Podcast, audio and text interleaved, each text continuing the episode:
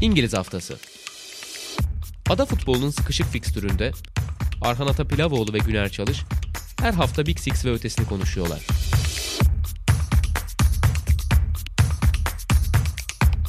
Statsbomb işbirliğiyle. Sokrates'ten, Sokrates Podcast'ten herkese merhabalar. İngiliz haftasının yeni bölümüyle karşınızdayız. Hayli zorlu bir başlangıç oldu bizim adımıza. Ne yazık bazı teknik aksaklıklardan dolayı dördüncü kez kayda başlıyoruz. Umalım şey ki... gibi hissettim kendimi. Bütün gün süren böyle dizi çekimleri falan oluyormuş ya. Hani onun gibi. Aynı. Evet ya usta bir yönetmenle çalışıyor gibiyim. Nuri Bilge Ceylan'ın daha doğrusu Doğu Demirkol'un Nuri Bilge Ceylan'la ilgili şöyle bir yanısı vardı. Ahlat Ağacı'nı izledim mi bilmiyorum ama orada Evet, işte evet. Aha. Doğu Demirkol'un karakteri durmadan yürüyor. Sabah çok erken bir saatlerde bir çekim var. Yine yaklaşık bir saat, bir buçuk saat yürüdükten sonra geri geliyor Nuri Bilge Ceylan'ın yanına. Yok diyor güneş yanlış yerde diyor. Güneş bozuk tadında bir cümle söylüyor ve o bir buçuk saatlik yürümesi boşa gidiyor. Bizimki de benzer bir nokta. Çok Yani motive güneş- girdik bugün. Ama şanssızlıklar peşimizi bırakmıyor. Ama bugün var bir şey gerçekten Eren. Evet ya gerçekten sevgili Sencer Yücel de bahsetmişti sitede bir sıkıntı olduğunu. Galiba bu site Bournemouth hakkında konuşmamızı istemiyor. Evet. Koyu Bak, bir Liverpool Stats- taraftarı olabilir. Statsbomb da biliyorsun sıkıntı yarattı. Bir hafta boyunca Statsbomb'u bu hafta kullanalım dedik. Bugün siteye giremedik. Son dakika belli oldu. Evet. Falan değişik bir gün. Ama bu programı bütün imkansızlıklara rağmen Aynen e, öyle. bitireceğiz. Yani şey gibi dertlerimiz biraz yeni nesil influencerların dertleri gibi oldu belki ama bu imkansızlıklara rağmen bu program bir şekilde çıkacak. Amacımız o. Aynen. Hazır. Ee, bir, biraz rahat girdik zaten. Sen başla istersen bugün ne yapacağız? Evet ya iki dakikalık girizgahtan sonra ufak bir duyurumuz da var. Onu da söylemiş olalım ve bütün dertlerimiz, tasalarımızı bu ilk 5 dakikada dökelim.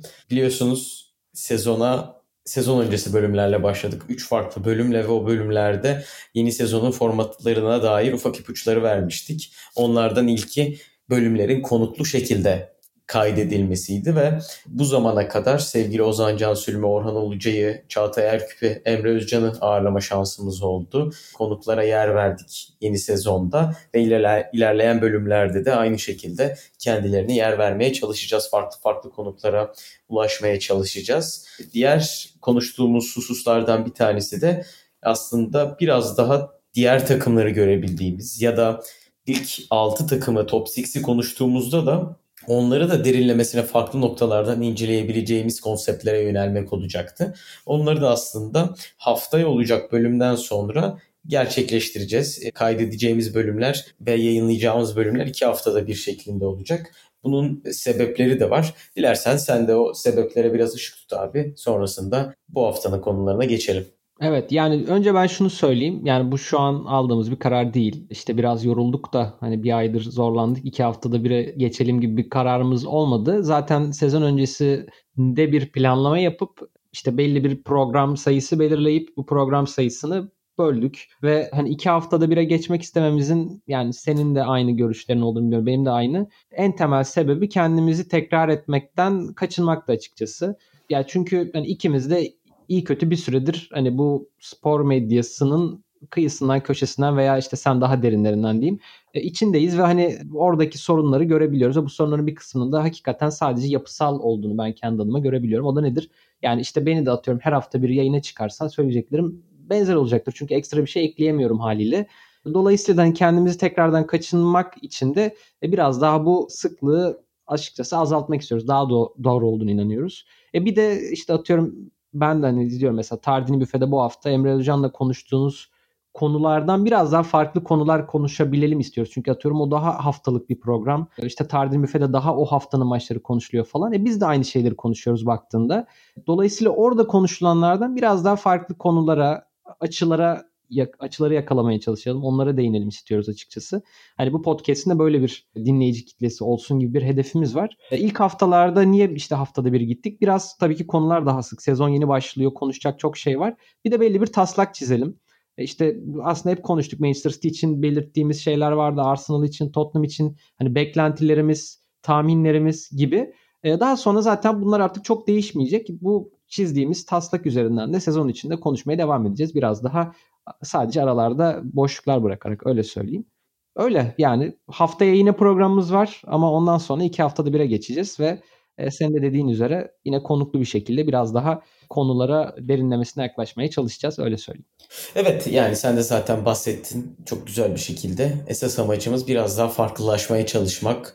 Çünkü tüm dünya üzerinde zaten sıcağı sıcağına maç analizleri ya da takımın son durumuna dair bir şeyler görebilmek mümkün. Ve takdir edersin ki aslında şöyle de bir durum var.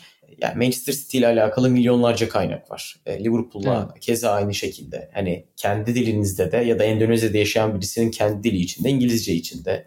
E, fakat örneğin West Ham için çok fazla yok. Leicester için yok. Brighton için yok. Wolverhampton için yok. E, biz bunları da sonuçta 6 takımdan oluşmuyor lig. Bu geri kalan 14 takımın ne yaptığıyla da biraz ilgileniyoruz. Onların sahaya sunduklarıyla da ilgili oluyoruz. Onların hikayesiyle de ilgiliyiz. O yüzden onları da olabildiğince bu programa taşımaya çalışacağız. E, ve en sağlıklı şekilde yapabilmek adına da bunun iki haftada bir olabileceğine karar verdik. Dediğim gibi sezon başına verdiğimiz bir karardı. Bu konuyla ilgili e, aslında sezon başından bu yana çok güzel dönütler alıyoruz. Çok teşekkür ederiz ilginiz için. Hem bu konuyla ilgili hem sezonun akıbetiyle ilgili hem programın kendisiyle ilgili dönütleriniz olursa da onları dinlemekten çok mutluluk evet, duyarız yani diyelim. Geri dönüşler önemli. Hatta şöyle bir durum da var. Yani olumsuz yorumları da mutlaka bekliyoruz. Yani duymuş olalım. Ya biliyorsun şu, şöyle bir durum da var. Yani program bir saat yapıyorsun. Başka alanlarda da işte abi niye iki saat değil? şeklinde geri dönüşler de olabiliyor. Hani bu iki haftada bir olması kararından belki memnuniyetsizlik duyacak olanlar da olabilir. Tabii ki onlara da saygımız var. Onları da e, dikkate alırız ama e, yani her türlü yorum yapmaktan çekinmeyin. Bizim için önemli diyeyim ben de. Tabii ki. Yani reaktif içeriklerimiz de olabilir. O hafta çok özel bir maç vardır. Haftalık bir bölümde kaydedebiliriz. Bunlar sizin de dönütlerinize göre şekillenir diyeyim ve haftalık değerlendirmelerimizin bir farklı versiyonuyla sözü açayım. E, City ve Liverpool'u ilk eksende konuşacağız. Tabii ki konuşmak durumunda bıraktılar bizi. Çünkü bir tanesi iyi bir geri dönüş yaptı dişli bir rakibe karşı. E, diğerinin ne yaptığını da cümle alem biliyor. 9-0'lık galibiyet mağlup olan takımın hocasıyla yollar ayrıldı. Ya Bournemouth için kabus bir hafta sonuydu. Tabii burada ilk olarak sözü Liverpool'dan açıp biraz sonrasında Bournemouth'a e, uzanmakta fayda var. Şöyle atayım sana pası. Bu beklenen bir galibiyetti. Yani dünya basını hatta işte fantezide de çok fazla gündem oldu biliyorsunuz. Salah'ın 9-0'da herhangi bir katkısının olmayışı skor açısından. Hı hı yani herkes onu triple captain yapmıştı. Dünya basını Bournemouth'un çok büyük sıkıntı yaşayacağını tahmin ediyordu ve 9-0'lık bir galibiyet geldi Liverpool'dan. Bu ya ben 9-0 kazanırlar, 8-0 kazanırlar onu tam tabii ki kestirecek bir öngörüm yoktu ama aklıma hem maçtan hem maçtan maçtan önce hem de maçtan sonra şu gelmiş. Tardir Büfe'de de bunu Emre abiyle konuşmuştuk. Yani şunu demiştim programda. City ilk haftalarda ikinci haftaydı yanlışım yoksa. 3-2 e, mağlup olmuştu Norwich City'ye deplasmanda. Deplasmanda e, mağlup olduktan sonra da içeride Watford'la oynuyorlardı. 8-0 kazanmışlardı. E, 8-0 kazandıktan sonra da İlkay büyük takımların bu tarz beklenmedik mağlubiyetlerden sonra bu tarz beklenen büyük galibiyetleri olur demişti. Aynısını Liverpool için söylemekte de hiçbir beis yok sanki. Zira ilk 3 haftada alınan kötü sonuçlar ve talihsiz kötü sonuçlar gibi lanse etmek çok doğru olmayabilir. Gerçekten Liverpool'un sıkıntı çektiği sekanslar izledik bu ilk 3 haftada. Onun ardından böyle büyük bir patlama bekleniyordu ve Liverpool'un sezona başlangıç performanslarını da göz önünde bulundurunca işte bir Norwich galibiyeti vardı. Sürkles etmişlerdi. Yeni çıkan Leeds'e karşı gitgelli bir karşılaşmaya rağmen net bir ağırlık koyup kazanmayı bilmişlerdi vesaire derken Fulham ve Palace maçlarında alınan kötü sonuçlar böylesi bir galibiyetin sanki habercisiydi demek yanlış olmaz. Yani evet işte İlkay'ın oradaki sözü biraz kardeşim kusura bakma seninle alakalı değil şeyinde bir söz gibi yani hakikaten patlayacağını bekliyorduk Liverpool'un. Bu kadar patlayacağını bekliyor muyduk bilemiyorum onu ama ben işte maça ve Liverpool'un durumuna dair sana bir kez daha aynı şeyleri tekrar edeceğim ama kusura bakma. Klopp'un açıklamalarına değinmek istiyorum. Benim açıkçası dikkatimi çeken oydu. Çünkü maça dair. Bir maç önce söyledi, bir maç sonrası söyledi. E, işte maç öncesi söylediği Klopp'un çok açık bir konuşma yaptık takım içinde. Yani böyle birbirimizle yüzleştik. İçimdekileri döktüm hatta dediği bir bölüm var. Hani onlarla bu konuşmayı yapmamız gerekiyordu ve rahatladım şeklinde bir açıklaması var. Yani belli ki hani o karikatürize edilen şekilde takımı haşlama gibi bir durum olmadı ama hani hakikaten takımın bir bir araya gelip hani böyle bizdeki barbekü partisi gibi de değil ama e, biraz daha sert konuşmaların, biraz daha açık konuşmaların yaşandı ve anladığım kadarıyla kendini bulduğu bir dönem olmuş. İşte ikincisi Klopp'un ortaya çıkan sonuca rağmen hani bundan böyle pişman değilim minvaline yaptığı bir açıklama var. Hani rakip e, üzülecek diye gol atmaktan vazgeçecek değildik e, minvalinde bir açıklaması vardı. Onda ben biraz e, kendisinin işte Almanlığına vuruyorum diyeyim. Alman futbol kültüründe veya kültüründe gördüğümüz bir şey herhalde bu. İşte o Brezilya Almanya maçında da atıyorum yine yakın dönemde gördüğümüz üzere. E, bir diğeri de bence yine açık bir şekilde söylediği başka bir konu. İşte sizler, sizler derken de yorumcuları, işte kamuoyunu taraftarları kastediyor olsa gerek. Hani söylüyordunuz bizim orta saha almamız gerektiğini ama ben size katılmıyordum. Haklıymışsınız şeklinde bir çıkışı vardı. Ama işte muhtemelen onların orta saha alması da çok kolay değil takımın içinde bulunduğu konum sebebiyle. Hani bunu derken de şunu kastediyorum. Bir çok güçlü bir takım Liverpool ve hani oraya bulacağınız oyuncu sayısı hakikaten kısıtlı alabileceğiniz oyuncular da 70-80 milyon eurodan başlıyor çok büyük ihtimalle. İşte Darwin Nunez'e verilen para gibi ki biz işte Bellingham'dan bahsediyorduk.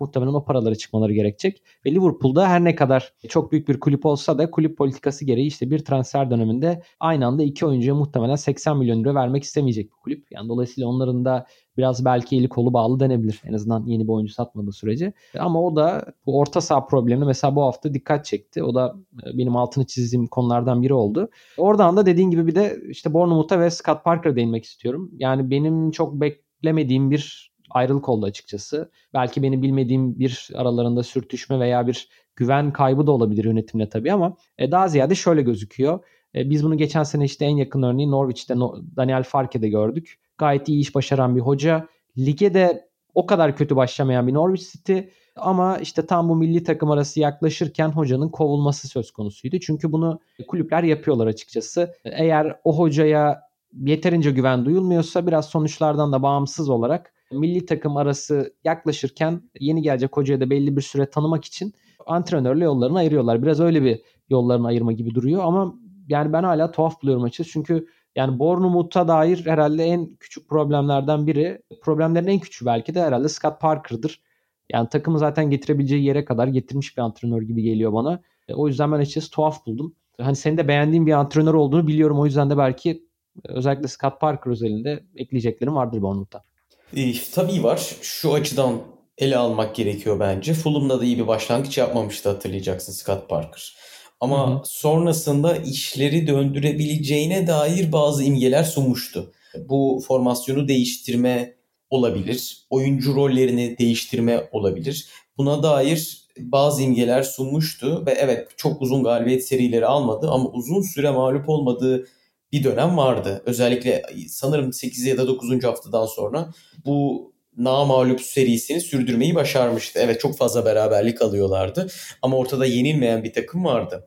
38 hafta sonunda evet küme düştü. Fulham yollar ayrıldı ve başka bir yola saptı Scott Parker. Bugün gelinen noktaya bakınca ilk 4 haftadan böyle bir karar alınması bu açıdan da bana biraz enteresan geliyor. Şu yüzden söylüyorum bunu. Hani Fulham'da işler kötü giderken bazı şeyleri değiştirip oyuncuların motivasyonunu yükseltip yapıyı değiştirerek daha az gol yiyen, daha az pozisyon veren bir takım yarattı bu teknik direktör. Daniel Farke örneğinde Norwich City benzer bir şekilde yine ilk çıktığı sezon lige başlamıştı ve küme düşmüşlerdi.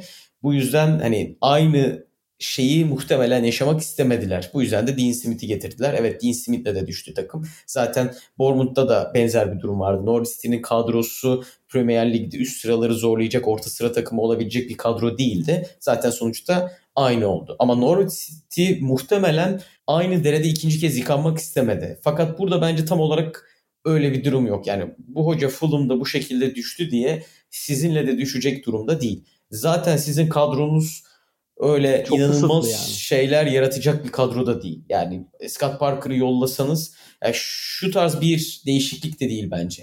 Hatırlayacaksın Ranieri ligi kazandı. Şampiyonlar Ligi'nde fena gitmiyordu. Ama ikinci sezon ligde perişan olmuştu Leicester. Bu yüzden de bir değişiklik gerektiğini düşündü Leicester yönetimi. Brandon Rodgers'a gittiler.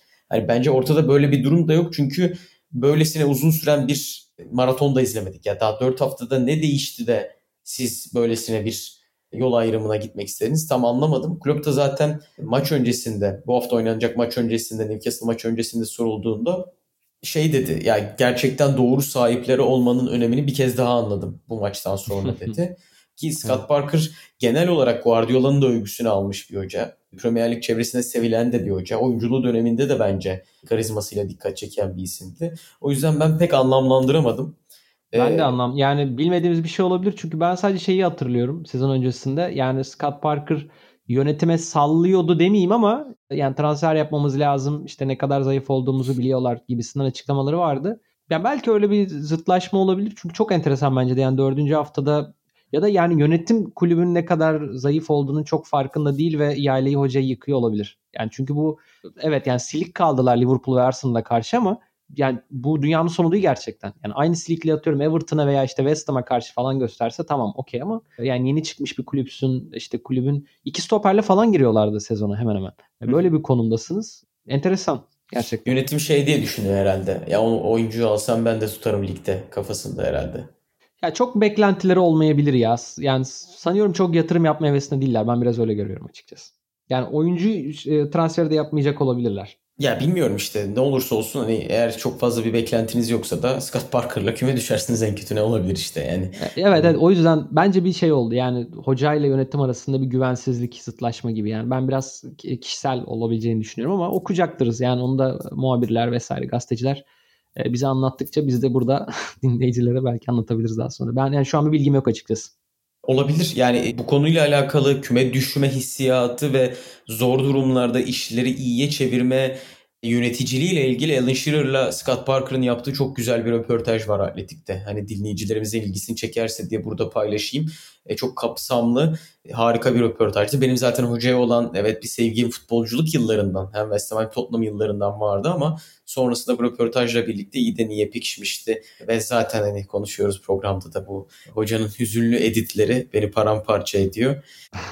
Onun haricinde Liverpool'da şey biraz daha eskilere gideyim. Charlton'dan Chelsea'ye transfer olduğu dönemi hatırlıyorum. Ben o zaman böyle karizmatik orta sahancılarını şey yapardım yani. Böyle beğenirdim falan. Mesela ben de o dönemini hatırlıyorum. Tottenham biraz daha şey oldu da geç oldu. İyi bir orta evet. sahancısı işte Scott Park. Evet evet bence de hani karizmasının getirdiklerini yerine getirebilmiş yeteneklere sahipti bence. İyi bir hoca bence yani evet. O yüzden de görecektiriz bence daha e, ileriki yıllarda da Premier Lig'de görebiliriz. Liverpool'la ilgili de çok kısa şunu ekleyeyim. City'ye geçelim. Sen Liverpool hakkında bahsederken hani Klopp'un konuşmasına değindin. Biz Euro 2008 dosyası yaparken sevgili Aras Yetiş'le işte Nihat Kahveci ile Tümer Metin'le Tuncay Şanlı ile Ayhan Akman'la konuşma şansımız olmuştu. Benim de bildiğim bir anı vardı. Bunu e, sanırım Nihat Kahveci'den dinlemiştim. 2008'de hemen sonrasında turnuva dönüşünde anlattığı bir hikayeydi. Portekiz'e biliyorsun yeniliyoruz ilk maçta ve kötü bir oyun var sahada 2-0'lık bir mağlubiyet. Sonrasında hemen bir konuşma yapıyor. Daha doğrusu şöyle koşu esnasında takım bireysel koşu yapıyor. Hamit Altıntop işte takımı yanına çağırıp ya çok kötüyüz. Çeki düzen vermemiz lazım kendimize. Hani o Almanlığın da getirdiği net direktifler vererek yani açık açık konuşarak takımdaki herkesin kötü olduğuna işte Tümer sen böylesin, Ayhan sen böylesin tadında cümleler söylüyor. Ondan sonra o konuşma e, Nihat Kahveci şöyle anlatmıştı. O konuşma gerçekten bizi kendimize getirdi. Biz biraz kendimize bazı şeyleri saklıyorduk. E, o kadar da kötü olmadığımızı hissediyorduk. Ama kötüydük. Ama kötüydük yani Portekiz maçında hani Tümer e, kayıtta kullandığı bir tabir var. Gerçekten hani benzer bir maçtı. O şekilde o konuşma bizi gerçekten kendimize getirdi. Kendimize karşı dürüst olduk ve kendimize karşı dürüst olunca da bazı şeyler otomatik olarak e, daha rahat ilerledi ve içimizde tutmadığımız için takımdaşlık da çok fazla arttı diyor. Yani sonuçta bu konuştuğumuz oyuncuların e, kariyerleri çok kapsamlı kariyerler ve hepsi o Euro 2008 ortamı gibi hiç öyle bir ortam görmediklerini söylüyorlar. Bazen hani içinizde tutarsınız ve zehir olur ya yok yere bilenmeye başlarsınız insanlara. Bence Liverpool'da da belki Klopp'un dediği onunla ilerlemiş olabilir. Ya sporun tabii ki psikolojik bir yönü var. Yani biz bunu bu programda mesela belki biz de çok fazla konuşmuyoruz veya bunun tırnak içinde cool olmayan bir yönü var. Çünkü çok ölçülebilir bir şey değil. Çok artık özellikle son 10 yılda yine işte biz de yapıyoruz. Her şeyi bir analiz edip ortaya döküp açık seçik konuşmayı seviyoruz ve psikolojik kısmının çok öyle bir yanı yok ve biraz muğlak ve hani herkesin yapabileceği bir yorum gibi kaldığından belki de göz ardı ediliyor ama Yani her sporda tabii ki oyunun psikolojik kısmı, oyuncuların kafasının içindekiler çok önemli ve hakikaten bazen o sahadaki teknik detayların da önüne geçen çünkü o teknik detayları gerçekleştirmeniz için doğru bir kafa yapısına sahip olmanız gerekiyor neticede.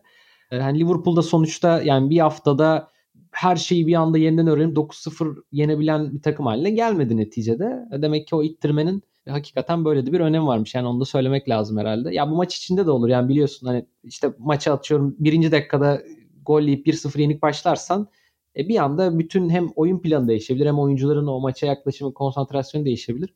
Bunlar önemli gerçekten. Yani Liverpool'da sezona kafa yapısı olarak da bence kötü başlamıştı. Yani o anlamda da bir evet yani sezona tekrar yeniden başlıyoruz. E, çok bir şey kaybetmedik. Artık yolumuza devam etme zamanı gibi bir mesaj hem almış hem rakiplere vermiş olabilirler diye düşünüyorum. Öyle gözüküyor yani hani senin bahsettiğin şeyleri dinlerken şey aklıma geldi. Gerçekten artık iletişim hakkında konuşmak dediğin gibi hem havalı değil hem ayıp ayıplanıyor yani. Hani bir hocanın iletişim becerileri yüksek iletişim becerilerine sahip olması ayıpmış gibi. Hani ya sen taktikle çözmen lazım bu işi. Spor ama ne yazık ki öyle bir şey değil. Bunu ben tweet atmıştım Arteta'nın belgeselini izlediğimde. Bilmiyorum Olorun Ting izleme şansın oldu mu? Belki ilerleyen programlarda da onu konuşuruz ama hocanın Hı-hı. Arteta deyince aklına taktik becerileri gelir muhtemelen. Ama çok yüksek iletişim becerisine ol, sahip olduğu her açıdan belli. Veya şöyle söyleyeyim. Hani Klopp'un ya da Guardiola'nın taktik becerilerini konuşuyoruz. Evet belki Klopp'ta biraz daha az ama hani Guardiola'nın taktik becerileri konuşuluyor evet ama o iletişim becerileri olmadan burada olmasının imkanı yok. Ki Tabii. iyi bir iletişimci olduğunu da e, zaman zaman enteresan açıklamalar yapsa da tabii ki biliyoruz. O yüzden ya bir de şöyle abi zaten gazla maç kazandırabiliyorsa helal olsun yani. Sadece onunla oluyorsa yani o da önemli bir şey baktığında anlatabiliyor muyum? Zaten o kadar kolay bir şey değil de hakikaten sadece o motivasyonla yani, yani motivasyon ve gazla kazandırıyorsa bir de taktik eklese yani o zaman tarihin en iyisi olacak o zaman zaten. Evet yani Liverpool açısından önemli bir haftaydı onu söyleyelim. Evet. Ee, ve City'ye geçelim istersen. Çok kısa. Evet sonra Guardiola. Guardiola penceresini açtık burada. Orada City'ye geçebiliriz. Ya e, aslında programda konuştuğumuz hani mesaj da attım onu sana. Programda konuştuğumuz şeylerin çoğunu gördük. Ben tweet'te atmıştım. İlk ben de düğündeyim abi dedim sana. Aynen. City ilk golü attıktan sonra pardon e, Crystal Palace ilk golü attıktan sonra City geriye düştükten sonra e, şey demiştim hani gerçekten iyi sınav. Çünkü Biliyoruz City'nin bu tarz maçlarda özellikle erken geriye düştüğünde dengesinin çok şaştığını, buna benzer çok fazla maça şahit olduk. Bu hani Crystal Palace alanları çok iyi kapatan bir takım bunu Liverpool'a karşı gösterdiler, Arsenal'a karşı gösterdiler. Ve şimdi tamamen alanlar kapatılacak ve City için kabus senaryo. Hem geri düştün hem alanlar kapanıyor hem evet belki Zaha yok ama iyi bir geçiş takımı Eze ile Crystal Palace o açıdan çok iyi bir testti. Oyun olarak bence ortaya çok fazla bir şey koymadılar. Ama bu yine Manchester City için iyi haber. Hani programda hep konuşuyorduk ya Haaland çok az topa dokundu. Hı hı. Ama gol atmaya devam ediyor. O zaman iyi haber yani City için. Çünkü bu oyuncu Hı-hı. 8 kere topla buluşmayacak. Aynen sen öyle düşünüyorsun. Mesela senin, e, e, yani, evet benim düşüncem evet. o. Bu oyuncu sonuçta 40 kere topla buluşacağı maçlarda oynayacak. 8 kere topla buluşurken hat-trick yapıyorsa e, 40 kere buluştuğunda da bir şeyler atacak demek ki bu oyuncu yani entegre olduğunda. Hı-hı. Yine benzer düşündüğüm bir noktadayım ben. Evet oyun olarak yükselmedi City. Oyunu yükselterek kazanmadı. Bernardo'nun bireysel becerisiyle fitili yaktı. Ama hep ben bu programda da çok kez söyledim. Yıllardır söylüyorum Guardiola City'si ile alakalı. Bu takım kötü oynadığında maç kazanamıyordu. Ben son birkaç senede aklıma sadece Arsenal maçı geliyor. Onda da Hı-hı. felaket oynadılar. Arsenal hak etti kazanmayı. 65'e kadar da daha doğrusu ilk gole kadar da City kazanmayı hak edecek bir performans göstermedi. Bernardo fitili ateşledi. Sonra da bir bireysel güce sahip olmanın ekmeğini yediler. Bu zaten en yakın rakibi Liverpool'un uzun süredir yaptığı bir şeydi. Bir şekilde fitili ateşleyip ilk golü bulup sonrasında maçı çeviriyorlardı. E, o nedenle ben City'nin bu açıdan iyi bir kimlik değişimine sahip olduğunu ve bu tarz geri dönüşlerin oyun hala çok da yükselmemişken City için çok çok önemli olduğunu düşünüyorum ki Son olarak şunu söyleyeyim. Hatırlarsın önceki programlarda konuşmuştuk. Guardiola Dünya Kupası'nı enteresan bir şekilde etkileyebileceğini söylemiş ve bu buralarda puan kaybetmememiz gerekiyor demişti. O açıdan da bu hem Newcastle hem Palace dönüşü ve Haaland'ın bunlarda etkili olması bence City için kötü gibi gözükse de oyun e, o kadar da kötü bir haber değil. Evet, evet biliyorum o yaklaşımını. Yani doğru olabilir. Ben de sana başka bir yerden kapı açayım istiyorum. Belki oradan da biraz konuşabiliriz. Hani biraz önce oyunun böyle psikolojik yönünden ve işte teknik detaylardansa işte psikolojik yönünün biraz daha az cool gözüktüğünden bahsettik ya. Yani şöyle bir durum da var aslında. Bunu hocalardan da direkt duyuyoruz. Mesela bunu birkaç sezon önce işte Nuno Espirito Santo söylemişti. Yani bazen hani biz tümden gelimsel şekilde yaklaşamıyoruz oyuna. İşte şu oyuncuyu aldım, şunu şuradan oynayacağım, böyle olacak, böyle olacak gibi değil de oyuncuyu evet aklında bir plan var ama oyuncuyu sahaya atıyorsun karşılığında bir şey ortaya çıkıyor. O bir şey ortaya çıktığında ona bir reaksiyon verip bu sefer farklı bir yöne gidebiliyorsun. Ya bunu şundan anlatıyorum. Belki Guardiola'nın aklında atıyorum Haaland'ı aldığında bundan çok farklı bir şey yoktu. Ama belki bu kadar Haaland'a uyum göstermeyi de düşünmüyordu. Yani şu anda Haaland'ın City'ye uyum sağlamasına ya da City'nin Haaland uyum sağlaması söz konusu. Herhalde katılırsın buna. Ve e, bu da Guardiola'nın isteği dışında olacak bir şey değil açıkçası. E bazen bu antrenörlerde olur diye düşünüyorum. Atıyorum bir oyuncuyu sol kenarda oynaması için alırsın. Ama takıma girdikçe görürsün ki oyuncu merkeze daha etkilidir. Veya işte ayağına pas oynamak için alırsın ama belki kafa vuruşlarında daha etkili olduğunu görürsün ve iş oraya gider. İşte çok basit bir örnek yani şu an Türkiye'ye geldiği için söyleyeyim. İşte Mertens'in atıyorum 9 numaralaşması Napoli'de. Yani böyle bir hedefi yoktu Sarri'nin belki de ama bir sakatlık krizi çıkıyor. Oyuncu birkaç maç orada deniyor ve hani oyuncunun gerçekten o rolü çok iyi oynadığı görülüyor gibi. Haaland'ın durumunda da bence biraz böyle bir şey söz konusu olabilir. Çünkü hakikaten şu an ortaya çıkan veriler yani şu an Haaland'a dair en çok konuşulan şeylerden biri basında işte topla buluşma sayıları biz de konuştuk biliyorsun. Pas sayıları ve hani Guardiola da şu aşamada bundan çok da memnuniyetsiz gibi gözükmüyor açıkçası. Ve bence o da keyif alıyor Haaland'dan.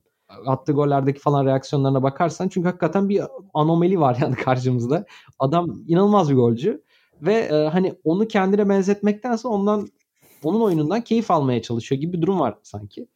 Ve dediğin gibi yani bu şu anda City için önemli olabilir. Çünkü hem puan kazanmaları açısından hem de takımın daha sonraki süreçlerdeki dönüşme açısından bence sayeden önemli olabilir. Çünkü çok motomot bir takımdı City ve çok kusursuzdu ama çok tahmin edilebilir bir takımdı. Ve bence daha iyi bir takım olmak için, daha kazanan bir takım olmak için de her nasıl Messi bunu Barcelona'da yapıyorsa Haaland gibi e, sizi tahmin edilemez, rakiplerin durduramayacağı bir oyuncuya da alan açmanız gerekiyor diye düşünüyorum. Belki Haaland'la o yola girme sürecindedir City diye düşünüyorum. İki şey söyleyeceğim sen konuşurken aklıma gelen. Bir tanesi hani evet Motomoto mükemmel bir takım dedin City. Bu yapı bence ligi kazanmak için mükemmel bir senaryo. Yani 38 hafta boyunca ne yaptığınızı bilerek kazanabiliyorsunuz ama bazen kaosa ihtiyaç duyuyorsunuz. Ve kaosa ihtiyaç duyduğunuz anlar da genellikle eleme maçları oluyor. Liverpool'da bunu çok iyi yapabilen bir takım. Bunu geçen sezon finali yaparken konuşmuştuk hatırlayacaksın. Haaland size bir bilinmezlik ve bir bence kaos da getiriyor. Yani ceza sahası içerisine top düştüğü anda hani bunu Guardiola da söylemiş maçtan sonra. Hep golü arıyor. Hep golün nerede olabileceğini biliyor. Böyle bir oyuncu yoktu City'de işte. Evet takım top ceza sahası içerisine girdiğinde aşağı yukarı nerede konumlanacağınızı tabii ki biliyorsunuz ki pozisyon bilgisi Guardiola için çok çok önemli bir şey. Fakat Haaland'ın varlığıyla birlikte City o tahmin edilebilirlikten tamamen uzaklaşan bir takıma dönüşüyor. Orhan Ulucan'ın konuk olduğu bölümde West Ham maçlarını konuşmuştuk. İki farklı oyun yapısı eklemişti aslında City iki golüyle birlikte. Bu bence çok çok değerli olacak City için ilerleyen zamanlarda. Bir de hani Haaland'a göre şekillenmeden bahsettin. Onu da şöyle bir pencere açayım. Şenol Güneş ilk Burak Yılmaz'ı forvet oynatmak istediğinde Burak Yılmaz hiç istememiş. Yok ben forvette yapamam. Benim topu kenardan alıp merkeze gitmem lazım. Asla olmaz vesaire demiş. Sen oynayacaksın demiş. inat etmiş oynatmış. Sonrasında Burak Yılmaz o maç sanırım iki gol atıyor. ilk forvet oynadığı maçta. Ondan sonra da kenara dönmek istememiş. Yok ben hayatta kenarda oynamam diye. Bence yöneticiliğin özel yanlarından birisi de bu. Bazen gerçekten tahmin ettiğiniz şeyler olmuyor ya da tahmin ettiğinizden çok daha iyi şeyler oluyor. Evet sizin planınız da bazen doğru şekilde işleyecek ama uzun meşakkatli bir şekilde işleyecek. Burada Haaland size bir şey gösteriyor. Onun kibirinizden arınıp onun yoluna inmekte de bence bir beis yok. Yani Klopp bunu çok uzun süre yaptı. Her zaman kendi fikrini boz etmektense olan şeyi de kullanmayı ihmal etmedi. O açıdan da bence iyi bir yöneticilik şansı Pep Guardiola için. Onu söyleyerek dilersen burayı kapatayım ve Hı-hı. Ben şeyi söyleyeyim mi son? Crystal Palace hani dedik ya çok zorlayacağını bekliyorduk. Zorlu bir rakip diye. E, bunda sevgili Mustafa Tağ'ın maç önü bir paylaşımı olmuş. Oradan örnek vereyim. Yine İngilizlerin inanılmaz istatistiklerinden böyle tuhaf tuhaf bazen çıkıyor ya. E, Manchester City cumartesi 15'te oynadı. Son 10 54 lig maçından ikisini kaybetmiş. İki maçta da rakip Crystal Palace'mış. Maç önü bilgisi bu. E, hani bu maçta da böyle geri düştüler. Buradan geri geldiler. Yani hani yeni City'nin diyeyim işte karakterinde yansıtan bir maç herhalde o anlamda da. Öyle gözüküyor. Bu arada o gördüm o istatistiği. Sanırım Cenk'in golü var bu arada o maçlardan bir tanesinde. City'nin sahasında Olabilir. oynanan. Onu Hatta ilk maçlarından şey. birisi olabilir. 2-1 bitmişti. Ya 2-1 ya 3-1 bitmişti. E, Crystal Palace kazanmıştı ve Cenk'in ilk maçlarından birisiydi kiralık olarak oynadığı dönemde. Yanlış hatırlamıyorsam diyeyim. Ve programın başında bahsettiğim orta alt sıra takımlarına derinlemesine bir giriş yapalım. Giriş Şimdi yapalım. West Ham, Leicester ve Wolverhampton'ı e, konuşmaya çalışacağız. Çünkü birazcık da Villa konuşuruz istersen. Çok olur. Şey yapmadan ara ara Villa'yı da ekleyelim. Çünkü aslında Villa'yı da oraya koyabiliriz. Koyabiliriz. Bu kadar evet. kötü başlamasını beklemediğimiz takımlardı. Evet çok uçup kaçacağını düşünmediğimiz takımlar da vardı içlerisinde. Örneğin Leicester ama bu kadar da kötü bir başlangıç beklemiyorduk. Dilersen Leicester bahsettim hazır. Leicester konuştuk. Hı hı. Leicester'dan girişi yapalım. Sezon öncesi değerlendirme programlarımızda şöyle bir şey demiştim ben. Hani bu takımın acaba bazı gitmesi gereken başarıları vardı. Kazanılması gereken başarıları vardı ve onlar son ana kadar getirip kazanamamıştı. Tabii Şampiyonlar Ligi gruplarına kalmaktan bahsediyorum. Bu da mental olarak bazı oyuncularda kendi projesini tamamladığı soru işaretine sahip olmalarına neden oluyor mu diye düşünmüştüm. Ve ek olarak şunu da belirtmiştim. Leicester gücünü savunmadan alan bir takım. Bu Brandon Rodgers döneminde hep böyle oldu. Takımın savunması iyi olduğunda Jamie Ward'in geniş alandaki etkinliğinde kullanabildiler. Onun savunma yıpratıcılığında kullanabildiler. Gelişmiş kanat oyuncuların uçakları sahaya atarak kontra tehditleri de yakalayabildiler vesaire. Fakat bu takım geçen seneki gibi hem stoperdeki yaşanan sakatlıklar hem de formsuzlukları eklediğimizde çok sorunlu bir yapı haline geldiğinde gösterdi. Evet geçen sene çok kötü bitirmedi. 8. E, ya da 7. bitirmişlerdi sanırım. Ama kendi performanslarının hala altında kaldılar. Bu sene şunu konuşmuştuk. Şimdi Fofana'nın gitme ihtimali var. Çağlar'ın gitme ihtimali var. Çok iyi bir sezon geçirmedi. E, John Evans'ın sağlık durumu çok kritik. Nasıl devam edeceği çok kritik bunları düşününce ve hani o acaba bazı şeyler miladını doldurdu mu? Bazı hedefler tamamlandı ve yeni bir hikayeye ihtiyaç duyuluyor mu derken bunların birleşimi sanki yaşandı ve Leicester e, çok da iyi bir başlangıç yapamadı. Zaten transfer yapmamışlardı. En enteresan noktalardan bir tanesi oydu. Ve ben hala cevabını noktada, bilmiyorum. Yani bence işte Scott Parker ayrılığı gibi çok da bir cevabı yok. E, şöyle de söyleniyor bu arada Brandon Rodgers'la yolların ayrılması gündemde ama hatta işte Fofana'dan gelen parayı taraftarın öyle kullanması isteniyormuş. Çok yüksek bir tazminat olduğu için de pek ayrılmak istemiyormuş e, yönetim yolları. E, orada da enteresan bir nokta var. E işte cümlemi öyle tamamlayayım. Bugün gelinen noktada Tilemans Arsenal hayli e, alevlenecek bence ilerleyen haftalarda. Çünkü biliyorsun sakatlıklar ortaya çıktı ve işte ellerini sakatlandı. Partinin durumu ortada. Kesinlikle orta saha rotasyona ihtiyacı var. Tilemans'ı da zaten istiyorlar. Onun gitmesi bir ihtimal ve Fofana gitti Chelsea'ye. Bugünden bakınca tabii ki burada kalmayacak Leicester City ama nereye kadar yukarı çıkabilecek e, iyi bir soru işareti sanki. Ya evet. Şimdi Leicester City ben aslında biraz Aston Villa ile birleşik de konuşmak istiyordum. Çünkü e, bir bakımdan teknik anlamda saha problemleri bana biraz benzer geliyor.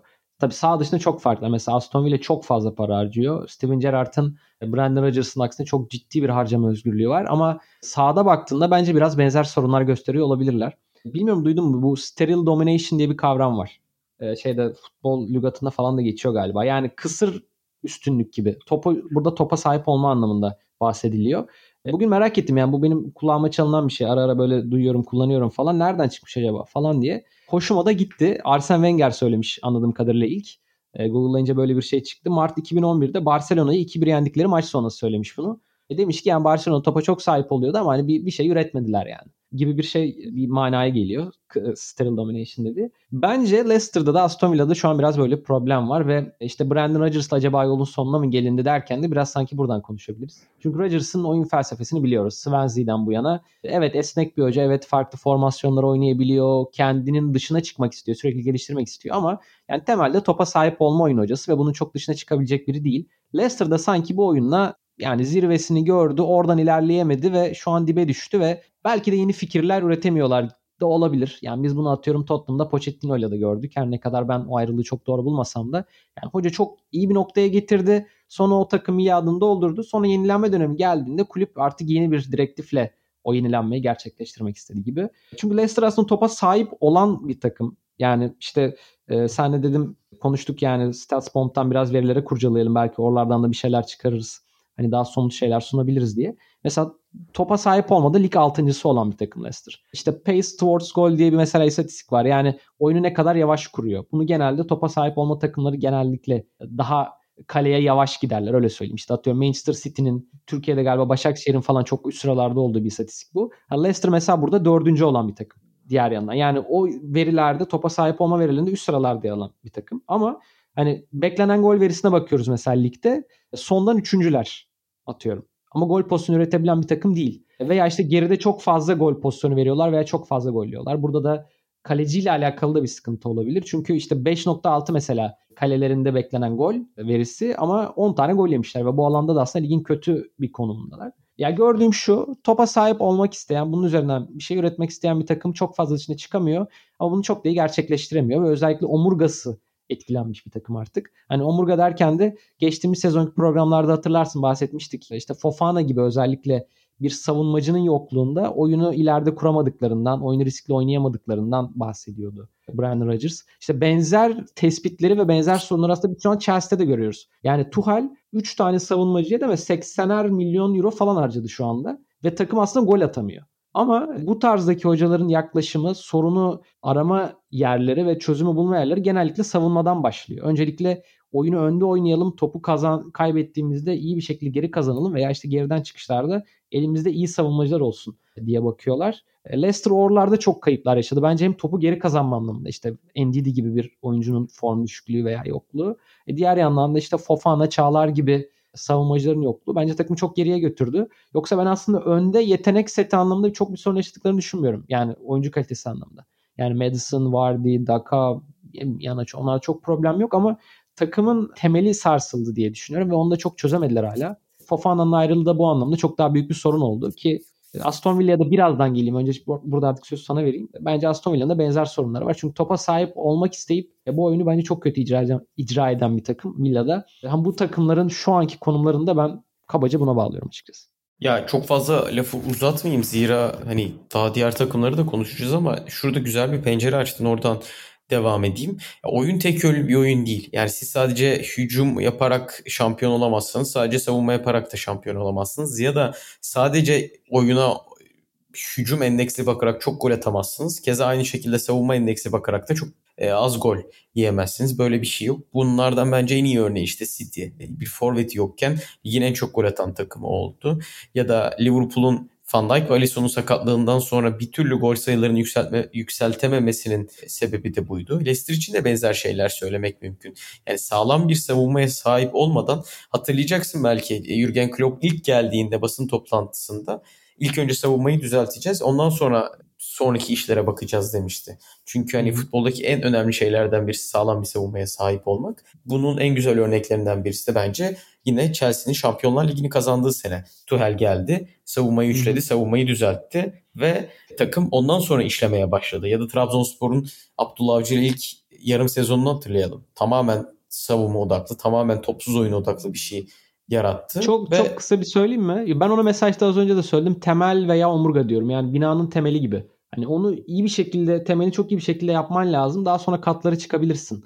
Hani o şeyler dairelerin güzelliği, büyüklüğü binanın tabii şeklini belirliyor ama temel sağlam olmazsa bir şekilde işte ilk depremde yıkılabilir mesela o bina ki öyle oluyor. Yani o temeli gerçekten sağlam atmak önemli. Leicester'daki problem de bence o yani dediğim gibi. Öyle kesinlikle katılıyorum. E, dilersen buradan hani Aston Villa'ya geçmek istiyordun. Aston Villa'ya geçelim. Hı hı. E, orada en çok dikkatini çeken nokta ne? Ya ben açıkçası Gerrard'ı beğenmiyorum. Yani bunu senle yaptığımız ilk programda da biliyorsun söyledim. Konu kalmıştınız. Çetin Cem Yılmaz'ın da olduğu program. Yani çok emin değilim hani o isim mi gibi falan konuşmuştum. Hep böyle bir beni ikna etmemesi durum var açıkçası. Şu anda taraftarla da arası çok bozuk. Onu söyleyeyim. Yani zaten yuhlandı son maç pek istenmiyor. Çünkü çok cool bir adam. Biraz da soğuk açıkçası. Yani çok taraftarı tırnak içinde sallamadığını da söyleyebilirim. Yani yapacağız edeceğiz işte suç bizde daha iyi oyuncular almamız lazım gibi falan çıkışları oluyor. Ya Villa'da şöyle ya geldiğinden beri çok fazla oyuncu transfer etti Steven Gerrard. Hala da oyuncu istiyor. Martin Lawrence o da işte bir Aston Villa taraftar işte Huskort içinde yazan biri falan öyle söyleyeyim. Yani o da futbol sektöründe biri. Bir Aston Villa taraftar onun dediğine göre ligin 7. en çok maaş ödeyen takımıymış mesela şu an Aston Villa. Yani hakikaten hem çok para ödüyor hem gerçekten kadrosu kaliteli. Ama son 15'lik maçında yine Lawrence'ın paylaştığı bilgi 3 galibiyet alabilmiş Villa. Bunlardan biri Norwich, biri Burnley'e karşı. İkisi şu an zaten alt ligde. Biri de son maçta Everton. Yani o da ne kadar bir iyi bir takım oldu tartışılır özellikle şu anki form durumuyla. E, Villa maç kazanamıyor ve kötü oynuyor gerçekten. Ve hani çok prensiplerine fazla sıkı sıkıya bağlı ve bu prensipler sahada sonuç vermemesine rağmen bunlar da ısrar eden bir takım. Bu da Gerrard'ın tercihi. O açıdan da açıkçası beni hiç tatmin etmeyen bir yönetim modeli var diyeyim. Çok da uzatmayayım sözü. Benzer şeylere geliyorum çünkü hep ama şöyle söyleyeyim. Yani Villa özellikle topa sahip olduğunda bununla alakalı ne yapacağını hiç bilmeyen bir takım. Belki topa çok fazla sahip oluyor. Şu an ligin en fazla topa sahip olan dördüncü takımı. İşte biliyorsun PPDA verisi var. Yani rakip nasıl açıklayalım onu? Ya ön alan baskınızın kalitesini gösteren bir metrik. Hani evet. Ne kadar rakibiniz pas, pas yapabildi sizin baskınızla. Örneğin ya to- evet aynen. Topu ise... verdiniz. Topu verdiniz mesela. Topu verdikten sonra siz topu verdikten sonra rakip kaç pas yapabildi? İki pas yapabildiyse demek ki siz çok kolay bir şekilde topu geri kazanıyorsunuz. Yani baskı yapıyorsunuz gibi. Evet yani sizin PPD'niz 2 oluyor. Evet diyebiliriz. PPD'ye 2 oluyor. Ne kadar azsa o kadar iyi bir şey. Ne kadar az pas yapıyorsa sizin baskınızın ön alan baskınızın o kadar kaliteli olduğunu gösteren bir şey. Örneğin 15 ise çok fazla ön alan baskısı yapmadığınızı gösteriyor. 15 pas yapabilmiş çünkü rakip. Böyle söyleyebiliriz bence. Ya PPA'de mesela lig 5. Aston Villa. Topa sahip olmadı lig 4.sü. Agresyon denen bir veri var. Orada lig 4.sü. Savunma hattının ön alanda olması mesela lig 7.si. Genellikle de bu top altının ya arasında ya altında yer alan bir takım. Ya bu da aslında tırnak içinde bizim o elit takım dediğimiz e, takımların oyunun oynadığını veya oynamaya çalıştığını gösteriyor. Yani evet takım o şekilde karşı yara alana yığılıyor, bunları yapıyor falan. Ama benim sana attığım veri benim çünkü birebir gözlemlediğim bir şey bu zaten verilere de yansımış. Takımın paslarının yüzde kaçı orta olarak değerlendirilmiş diye bir veri var. Successful işte box cross diye geçiyor yüzdeye vurmuş ama bu alanda Villa lig birincisi ve arkasından gelen takım da Fulham. Yani Fulham'ın niye lig ikincisi oldu belli. Çünkü elinde Alexander Mitrovic var. Ama Villa'nın böyle bir durumu yok. Yani Villa topu karşı yer alanı geçirdiğinde tamamen iki beki üzerinden içeriye orta bombardımanı yapan bir takım gerçekten. Ve hani Gerard'ın da tercihi ön üçlüde kesinlikle bir kenar oyuncusu tercih etmiyor. Hatta işte bence gayet iyi bir oyuncu. Başakşehir'e kiralanan Bertrand Traore de bir kenar oyuncusu olduğu için açıkçası transfer oldu. E şu an süre alamayan Leon Bailey hatta hocayla biraz sorun yaşıyor. Babası olan aynı zamanda menajeri olan kişi açıklamalar yaptı hani oynayamayacaksa biz gidelim bari falan diye.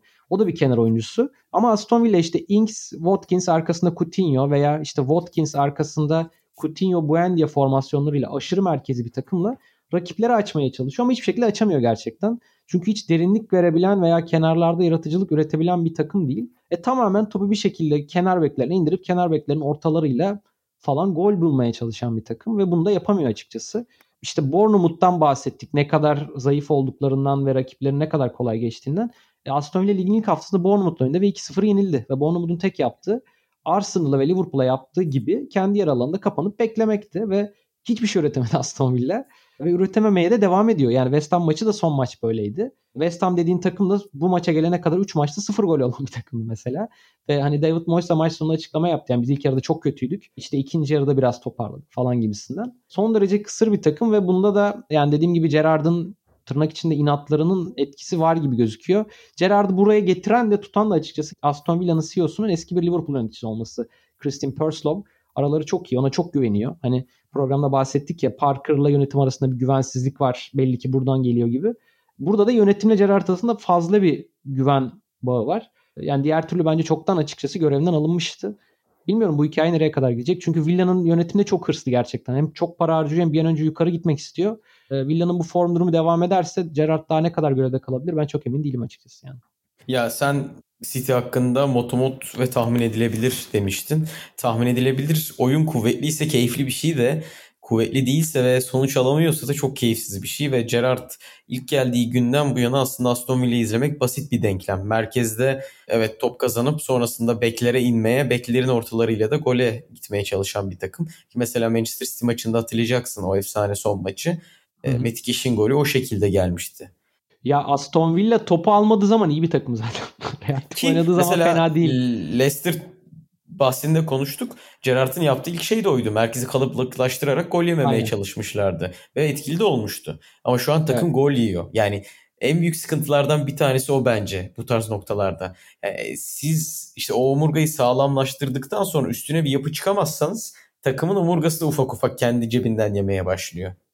Evet. Yani geriden uzun oynadığında veya top rakipteyken direkt hücumlarla gittiğinde aslında çok tehlikeli bir takım yani. Ama yani Gerrard'ın dönüştürmek istediği de bu belki ama gerçekten bunu ne kadar iyi başarabiliyor ya da ne kadar umut veriyor ben şüpheliyim.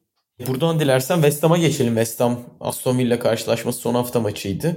West Ham hakkında benim Leicester ya da Aston Villa hakkında konuştuğumuz kadar depresif konuşmalar yapmayacağım. Ben de yapmayacağım. Ee, bir de onların durumu farklı. Yani onlar mesela topa sahip olmuyor zaten. Evet öyle bir niyetleri yok ki bence genel olarak baktığımızda geçmiş yıllardaki oyunlarından çok da inanılmaz farklılaşan bir oyun oynamıyorlar. Evet. Ee, benim katılıyorum. Şunu söyleyebilirim West Ham'le alakalı. Hani Statsbomb zaten bahsettik bu bölümle ilgili. Kendi kalelerine gelen şutların değeri de çok çok değerli şutlar değil. Yani ortalama bir evet. şutun gol beklentisi değerinin 0.12 0.11 civarı alırsak şu an ligin kendi kalesinde en kalitesiz şut gören takımlarından birisi 0.09 değerinde görüyorlar. Gol beklentisi, kendi kalelerinde gördüğü gol beklentisi değeri de hiç fena sayılmayacak. Sanırım lig beşincisiydi West Ham United. Hı hı. Buradan bakınca takımın çok fazla savunma defekti yok gibi hissettiriyor ki son maçta zaten üçlüye de döndü David Moyes. Yani şunu söyleyebilirim takımla alakalı. Benim en çok dikkatimi çeken noktalardan bir tanesi Brighton maçının ikinci yarısında böyleydi. Nottingham Forest maçında böyleydi. Zaman zaman şunu görüyoruz. Nottingham Forest maçında yedikleri gol aslında çok da yenecek bir gol değil. Evet enteresan bir şekilde gelişen bir atak. Bir talihsizlik sonucu geldi tamam ama orada mesela açıp dinleyicilerimiz bakarsa şunu fark edecekler. Merkezde çok büyük bir boşluk var. Bu da West Ham United'ın aslında hatlarını sıkıştıran bir West Ham United'ın vereceği bir boşluk değil. Örneğin Manchester City maçında yenen iki gole de ben çok büyük bir şey demem. Haaland'ın bireysel becerisi. bir savunma arkası koşusu. Birisi zaten geniş alanda yakalandılar. Çok inanılmaz absürt bir durum yok. Yenebilecek goller. City mağlup olunabilecek bir rakip.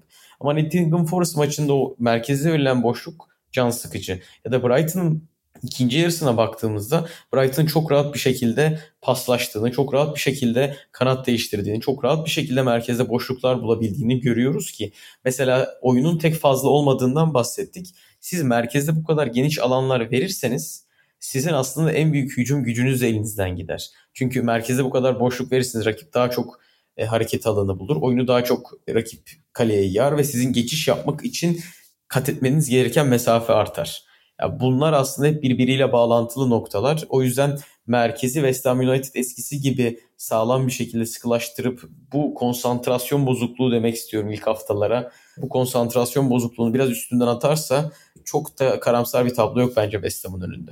Bence zaten West Ham'la da Wolves'u gruplandırıp bir arada konuşabiliriz. Bu arada bu evet. takımları niye konuşuyoruz? Niye dördünü seçtik? Şu anda lig sonuncusu Leicester. Bir üstündeki Wolverhampton, bir üstündeki Bournemouth'un zaten hocası kovuldu. Onun bir üstünde West Ham var, onun bir üstünde Aston Villa var. Yani son 5 takımın zaten birinin hocası kovuldu. Diğer 4 takım da aslında sezon başında bizim orta üst sıra olarak görebileceğimiz takımlar. Yani burada olmaları bize tuhaf geldiği için biraz aslında öne çıkarmak istedik. West Ham'la Wolves'da şöyle bence gruplandırabiliriz. Bunların ikisi de topa sahip olmayı o kadar da önemseyen takımlar değil. Hatta biraz daha direkt oynamayı biraz daha önemseyen takımlar özellikle West Ham. İkisi de çok iyi savunma takımları. Özellikle Wolves'u bu anlamda çok daha önce çıkarabiliriz bence ki West Ham'dan sen de bahsettin. Normalde karakteristik olarak iyi kapatan bir takımdı, iyi kapanan bir takımdı. Çok gol fırsat veren bir takım değildi.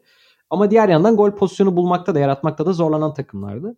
Yine bence şöyle bir benzerlikleri var. İki takım da bu sene biraz daha değişmek, biraz daha kreatif bir özellik kazanmak isteyen takımlar görünümündeler. İkisi de bunu transferle yapmak istiyor. Zaten West Ham United yani biraz kendi potansiyelinin üzerinde performans gösteren bir takımdı birkaç sezondur ve David Moyes de artık kendi yaptığı bir açıklama. İşte Rice'ın, Antonio'nun, Suçek'in üzerindeki baskıyı biraz almamız lazım diyor. Ve bu yüzden de daha kaliteli oyunculara ihtiyacı olduğunu söylüyor. Ben program hemen öncesinde okudum. Biraz da komik geldi. Şey demiş yani teklif yaptığımız oyuncuları duysanız bize gülersiniz ya da insanlar çok şaşırıyor falan. Yani bize kahkahalarla gülüyor falan demiş. Herhalde Neymar'a falan da gittiler yani. Hani o tarz şeyler de olabilir. Çünkü çok kaliteli oyunculara hakikaten teklifler yaptılar.